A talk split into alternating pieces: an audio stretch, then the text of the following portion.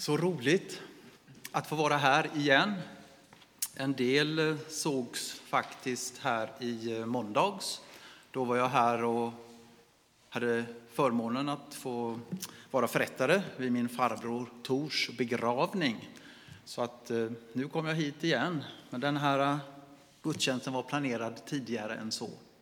Gott att vara här och som en del vet om och andra inte, men det är ju Lerum där jag har växt upp och det var ju där jag fick, kom till tro om man nu säger så, via barnsben. Och eh, en berättelse som jag har berättat tidigare, men jag vill ändå dela den en gång till. Det är ju så att eh, i den gamla missionskyrkan så gjorde jag faktiskt min debut att tala offentligt. Och jag var inte många år. Det var ju så här att dåvarande pastor Roland Götsten han kom hem till min mor, Karin Kjellberg, och bad om, skulle inte eh, dina tre barn läsa de här verserna? Jag vet inte om det var någon söndagsskolefest eller vad det kan ha varit, men det var någonting som skulle äga rum. Och min mamma blev ju så stolt. Tänk att sina barn ska få göra detta. Men det var inte alla som tyckte det var lika roligt när man är fyra, fem år eller vad det nu kan ha varit. Tyckte inte alls att det var så speciellt kul. Men med en mamma som är stark så har man ingen möjlighet. Man är tvungen att göra som hon ville. Och vi står där vid gamla missionskyrkan och ska läsa de här inrepeterade verserna. Och eh, min bror Lars-Anders, han läser upp så starkt och så stolt de här verserna. Det går så bra. Och min syster, som aldrig är blyg, hon bara reser sig upp när det är någonting hon läste också så bra. Och så är det min tur. Då gör jag så här. Och läser min vers. Och eh, sedan så kommer Roland Götsten och tackar eh, mamma då för vad fint det var att barnen fick läsa de verserna. Ja, men det var ju det här med Per, säger min mamma. Det var inga problem. Han vände sig och sökte kraft mot korset. Och jag tänkte så här att jag lovar er, jag ska inte vända ryggen åt er denna gången, utan jag ska försöka att stå och se er hela tiden. Jag är ju pastor i Equmeniakyrkan och eh, har varit i olika församlingar i eh, nordöstra Göteborg Eh, i Hammarkullen, Lövgärdet och sen var jag i Surte där jag upptäckte på den tiden att oj, där kom ju Lerum in i bilden också med Lerum Symphonic, Lerum Surte Symphonic Band in i bilden och där fick jag träffa några av mina gamla tonårsledare bland annat när de var med och spelade där. Men eh, sedan har jag haft glädjen och gör fortfarande jobba inom fängelse och häkte som fängelsepastor och det är fantastiskt. Det är någonting som jag verkligen brinner för och är, ja, jag är så tacksam så att jag tycker detta är så spännande och roligt på alla sätt. Men jag känner också att det är väldigt härligt att få komma och predika i en församling så här som vi får göra idag. Nog om det. Låt oss läsa dagens evangelietext och den kommer säkert upp här också, förmodar jag. Då går vi till Markus evangeliets tolfte kapitel, verserna 1 till 12.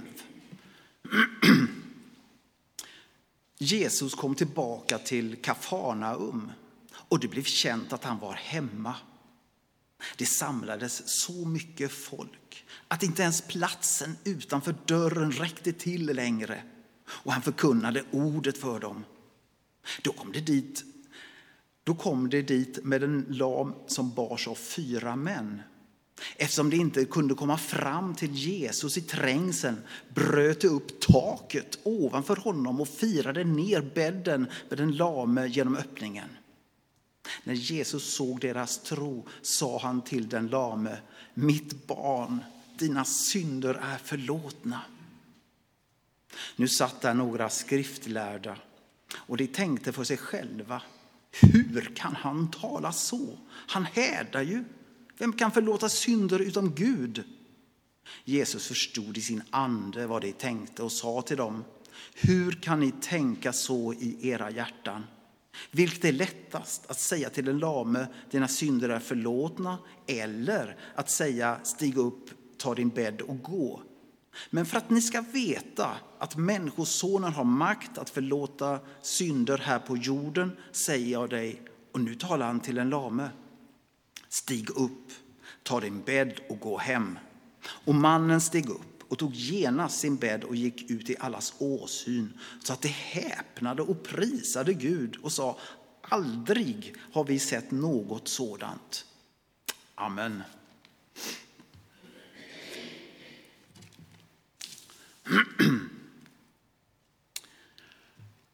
Vi måste bryta upp taket.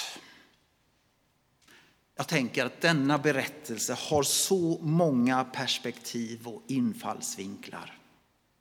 Tänker först på de här äh, fyra männen. Eller ska vi säga att de var fem vänner? Och en av dem var väldigt handikappad. Han kunde inte röra sig utan hjälp. Vi vet inte varför eller hur, men vi förstår någonting han var inte helt utlämnad åt sig själv. Han hade faktiskt vänner som brydde sig hur han hade. Vänner som fanns där för honom. Så kom då tanken hos någon, eller kanske hos den lame själv. Kanske kan Jesus hjälpa. Hjälpa oss. Vad har vi att förlora Kanske lite pinsamt om det inte händer något, men eh, inte så mycket mer. Visst är det värt ett försök. Säkert hade de redan eh, bett att Gud skulle gripa in. Men nu blev bönen till handling. Det bar sin vän, inte bara i bön, utan på båren fram till Jesus. Det är som den där salmen säger, handling och bön må bli ett. Men så händer något när de kommer fram till huset där Jesus finns. Känns det igen? Vi tänker ut en plan och så kommer något i vägen. Det är fullt av folk och inte nog med det. Ingen lämnar plats. Ingen makar sig åt sidan och säger jag ska hjälpa er, kom här, här ordnar vi en väg. Nu är det väl ändå kört. Jag tänker, varför är det ingen som lämnar plats? Alla ser ju vad de vill, ingen gör det. Sen tänker jag, kanske Tänk om det är jag som står där och bara fokuserar på det som händer där framme och ser inte de som är bakom mig. Kanske är det dags för männen som bad den lame att ge upp och säga, ja men vi försökte faktiskt. Vi gjorde ju vad vi kunde. Nu får vi väl ändå inse, det gick inte den här gången. Men som vi vet, de här männen, de ger inte upp. Problem är till för att lösas, tycks vara deras paroll. Någon kommer på lösningen, lite galet kan man ju tycka. Vi måste bryta upp taket. Återigen kan man höra någon tänka, hur pinsam får man vara egentligen? Vad ska alla säga? När takets murbruk, grenar och kvistar faller ner mot golvet mitt framför Jesus. Och de stör ju också det fina möte som säkert äger rum där inne. Vän av ordning kanske tänker, det här kommer bli dyrt. Vet de verkligen om vad en hantverkarlön kostar? Bara en timme, om det ska vara en bra, 750 spänn. Jag vet, det kostar mycket. Men det händer i alla fall. För männens omsorg går före. Det som inte passar sig, eller det som är pinsamt. Detta är så vackert. Bön, handling, omsorg och kärlek vävs tillsammans till en underbar väv av sällan skådat slag. Jag tänker på fängelset där jag jobbar och en händelse där. Det var en man i 50-årsåldern som hade varit där en längre tid. Och så plötsligt så börjar de se på honom. Du ser inte ut att må bra. Din ansiktsfärg är så märklig. Han var trött. Sjukvården blev inkopplad. Så fick han det där äh, tråkiga beskedet. Du har cancer. Han började åka in och ut till våra sjukhus här i staden. Och efter en tid då de har gjort allt vad de har kunnat så inser de att den här gången så går det inte att göra så mycket mer. Du kommer att dö under din tid i fängelset. Han blir eh, den sista tiden förflyttad till något hospice där han avlider. Jag och kriminalvårdare går ut på avdelningen där han eh, bodde och lämnar dödsbudet till hans medintagna. De som han har bott på samma avdelning. Det är stor sorg och saknad. Man har delat så mycket med varandra. En man brister i nästan för han säger, jag kan inte vara med på någon minnesstund. Då, då faller allting samman. Jag klarar inte av detta. Han är helt, han är så ledsen. Då är det någonting som händer. En annan av de medintagna kommer fram till honom och sticker åt honom en hel cigarettpaket. Ett cigarettpaket, det är ju inte min värld förvisso, men det kostar väl en 70-80 kronor att köpa. Och det är mycket pengar på ett fängelse. Han säger, men jag är väl inte skyldig er någonting? Nej, men vi kände att du behövde detta just nu. Så fick dessa männen, kanske av somliga ansedda som monster, bära sin medintagne broder. Likt mannen som blev buren på bår i dagens berättelse. Eller som Paulus säger, bären varandras bördor så uppfyller ni Kristi lag. Så vackert och eftersträvansvärt. Tillbaka till berättelsen. Den lame mannen firas ner på sin bår framför Jesus. Jesus vänder sig till den lame mannen full av kärlek och säger Mitt barn, dina synder är dig förlåtna. Låt oss stanna just där för en stund. För tänk om berättelsen hade slutat där. Mannen hade fått sitt liv förvandlat. Skulden, skammen han bar på var nu borta. Han var en ny människa. Ett stort mirakel, ett under har skett. Och Jesus kanske hade sagt, nu kan ni bära hem er vän igen. På ett sätt så har många gånger tänkt att det skulle vara väldigt vackert slut på denna berättelse. Att han hade fått ett sånt där starkt möte och fått sitt liv förvandlat. För tänk dig själv att slippa bära på skuld och skam över pinsamheter och händelser som gick fel. Saker som ligger och skaver så där inom en. Att bara få allt detta, bli befriad från detta. Vilken grej! Det är verkligen något stort och fantastiskt att Jesus kan befria från skuld och skam. Så sitter jag i häktesrummet med en väldigt ung människa. Han vet inte hur lång tid han kommer att få i straff. Blir det livstid eller blir det ett långt fängelsestraff? Det är ungefär där det handlar om. Men trots denna ovisshet så har han fått ett nytt hopp. Han har fått en tro på Jesus. Han börjar läsa Bibeln, tar in mer och mer. Och så kommer en dag då han berättar om fasansfulla erfarenheter han har gått igenom och går och bär på. Det handlar om skottlossningar, knivslagsmål och droger. Ibland är det som man säger, ja, det är så spelets regler ser ut.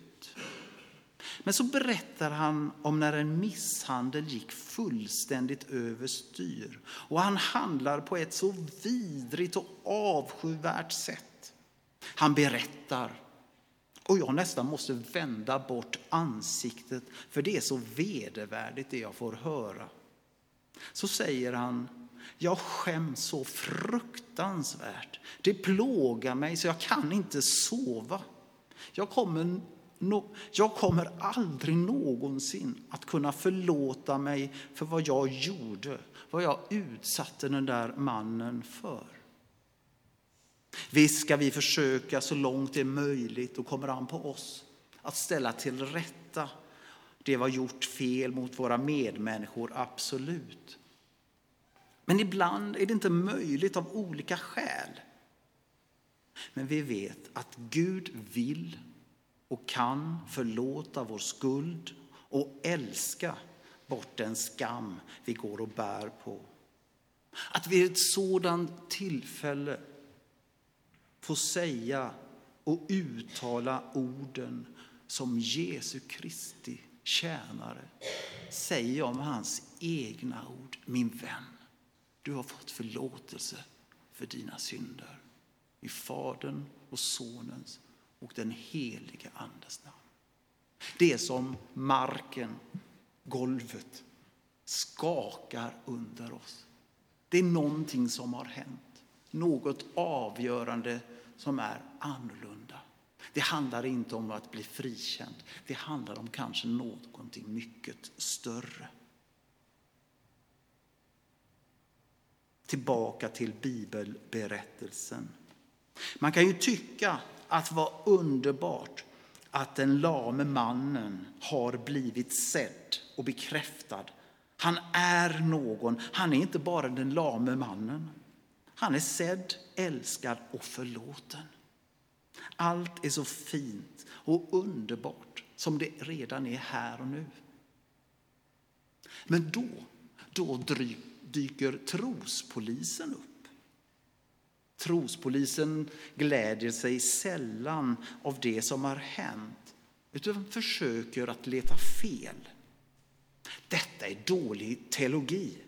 Jesus eh, hädar ju vem kan förlåta synder utom Gud?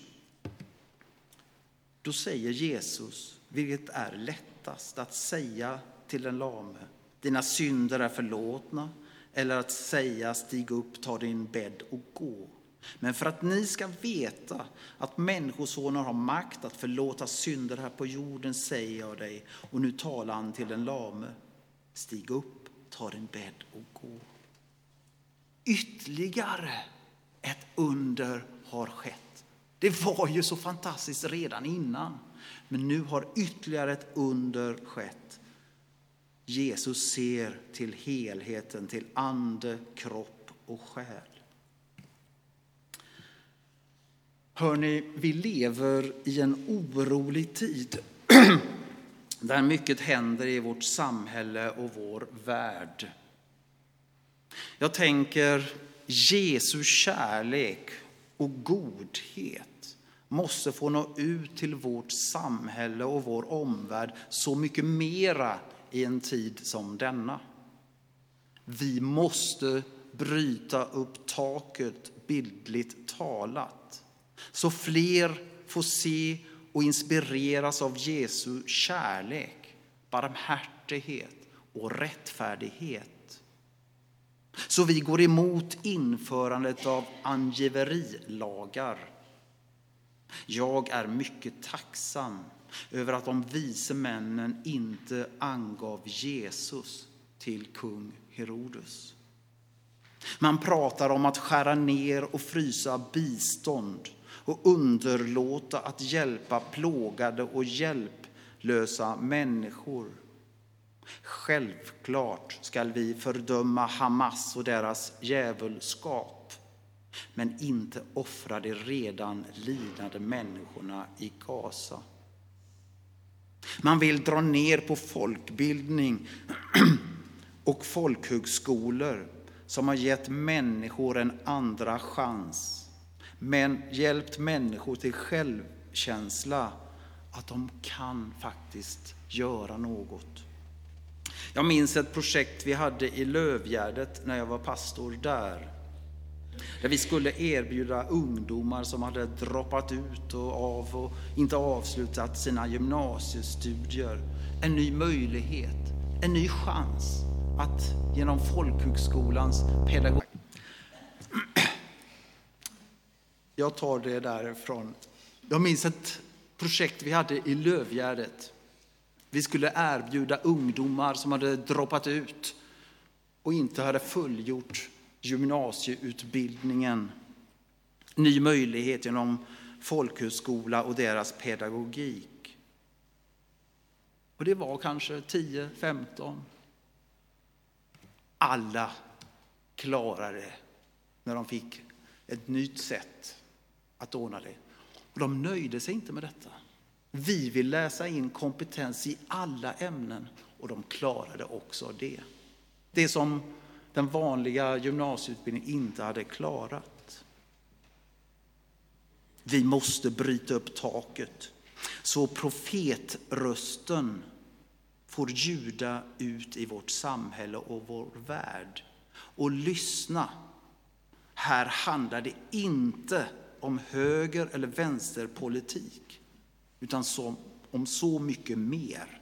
Om att upprätthålla människans okränkbara värde vi som kyrka har ett ansvar att se och be och sedan låta handling och bön må bli ett. Ett sista perspektiv från denna berättelse. Utifrån denna dagens bibelberättelse. Jag tror att många med mig vill efterlikna männen som bar på den lame och det är bra och eftersträvansvärt. Men det finns ett annat väldigt viktigt perspektiv.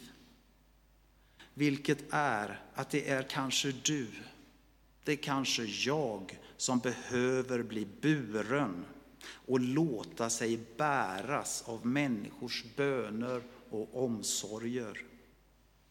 Att lära sig visa sig svag Våga be om hjälp. Våga låta sig bli buren fram till Jesus. Jesus som älskar dig och säger, mitt barn, du är älskad. Du är förlåten. Res dig upp. Jag går med dig. Jag vill avsluta genom att be med en psalmvers i psalmboken. Pris vare Gud, pris vare Fadern, hans ande, hans son. Saliga sjunger och tillber vi inför hans tron. Tack för den styrka, det liv du här gav oss. Gör något nytt, något brinnande av oss. Led oss att bygga en värld av rättfärdighet handling och bön må bli ett. Amen.